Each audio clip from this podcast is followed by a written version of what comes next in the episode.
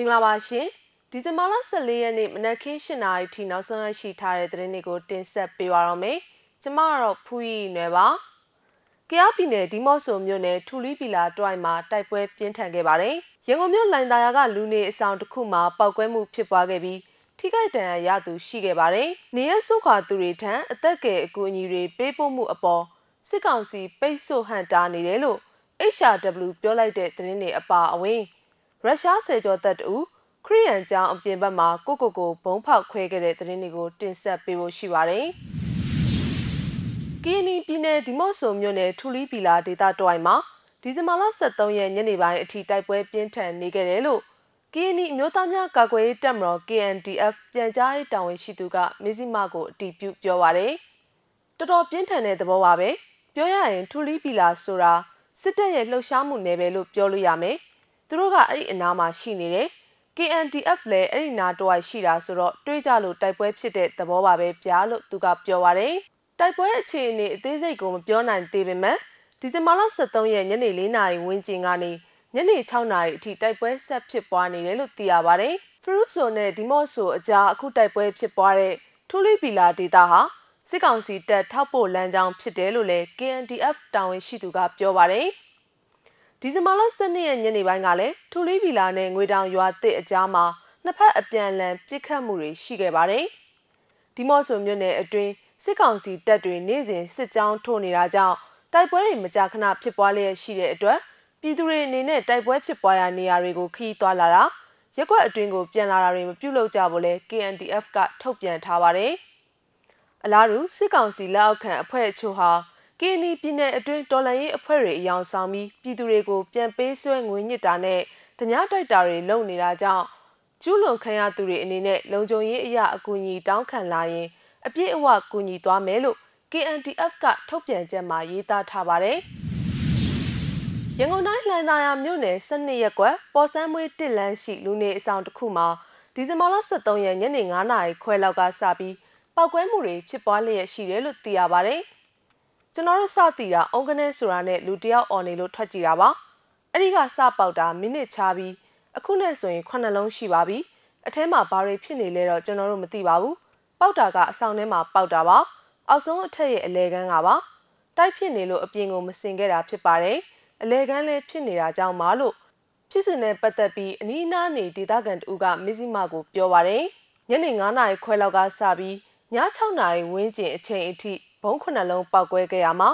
လေးလုံးမြောက်ပောက်ကွဲမှုဖြစ်ပွားပြီးတဲ့နောက်စစ်ကားအများအပြားနဲ့စစ်ကောင်စီတပ်တွေရောက်ရှိစစ်ဆေးလျက်ရှိပြီးလမ်းထဲရှိသူအလုံးကိုအပြင်ကိုထွက်ခွင့်မပြုတော့ဘူးလို့လည်းသိရပါတယ်။ပထမအဆုံးပောက်ကွဲမှုမှာလူငယ်အမျိုးသားတဦးပေါင်ပြက်ဒဏ်ရာရရှိခဲ့တယ်လို့လည်းဒေသခံကပြောပါတယ်။ကောင်လေးတယောက်တော့ခြေထောက်ပြတ်သွားပါတယ်။သူခင်ဗျာကျွန်တော်အရန်နာလို့ပါဆိုပြီးအော်ဟစ်နေခဲ့တာပါ။စေးရုံပို့ပေးဖို့အခုတော့စေးရုံကားနဲ့ခေါ်သွားပြီလို့မျက်မြင်တွေ့ရှိသူကပြောပါတယ်။ အဲ့ဒီပောက်ကွဲမှုဖြစ်ပွားတဲ့အဆောင်ဟာမိသားစုအဆောင်ပုံစံဖြစ်ပြီးအလုသမားအများစုနေထိုင်ကြတယ်လို့လည်းသိရပါတယ်။မြန်မာနိုင်ငံမှာတန်းနဲ့ချီတဲ့နေရဆွန့်ခွာတိမ်းရှောင်နေကြသူတွေနဲ့အနေနဲ့ရင်ဆိုင်နေရတဲ့အခြားသူတွေထံ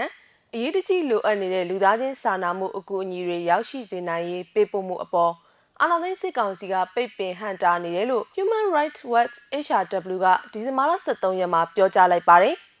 အကူအညီလိုအပ်နေသူအလုံးထံအကူအညီတွေရောက်ရှိစေဖို့အကူအညီပေးပို့မှုကိုအစောတလင်ခွင့်ပြုပေးဖို့အတွက်ကုလသမဂ္ဂအာဆီယံနဲ့အခြားသက်ဆိုင်ရာအစိုးရတွေကမြန်မာစစ်ကောင်စီပေါ်ဖိအားပေးတဲ့တယ်လို့ဆိုပါတယ်။မကြသေးတဲ့လတွေအတွင်းကစစ်ကောင်စီနဲ့သူ့ရဲ့လက်အောက်ခံတပ်ဖွဲ့တွေဟာလူသားချင်းစာနာမှုဆိုင်ရာဝန်ထမ်းတွေအပေါ်ခီးသွွာလာမှုပိတ်ပင်ချက်အသစ်တွေချမှတ်တာဝင်းထွက်လမ်းတွေကိုပိတ်ဆို့တာအကူအညီရင်နှန်းတွေကိုပိတ်ပင်တာ စစ်ဖက်မဟုတ်တဲ့အထောက်ပံ့ပစ္စည်းတွေကိုဖျက်ဆီးတာအကူအညီပေးရေးလုပ်သားတွေကိုတိုက်ခိုက်တာတယ်လီကွန်မြူနီကေးရှင်းဝန်ဆောင်မှုတွေကိုပိတ်ချတာတွေကိုလှုံ့ဆော်ခဲ့တယ်လို့ American အခြေစိုက်နိုင်ငံတကာအစိုးရမဟုတ်တဲ့အဖွဲ့အစည်း Human Rights Watch ကထုတ်ပြန်ချက်တစ်စောင်မှာပြောပါတယ်မြန်မာမှာဖေဖော်ဝါရီလ၁ရက်အာဏာသိမ်းမှုကြောင့်အခြေခံအဆောက်အုံပိုင်းဆိုင်ရာပြိုလဲမှုမြန်မာကျပ်ငွေတန်ဖိုးကျဆင်းမှုဗန်လုပ်ငန်းနဲ့ထောက်ပံ့ပို့ဆောင်မှုကွင်းဆက်တွေအကျက်အတဲဖြစ်မှုစားနပ်ရိက္ခာ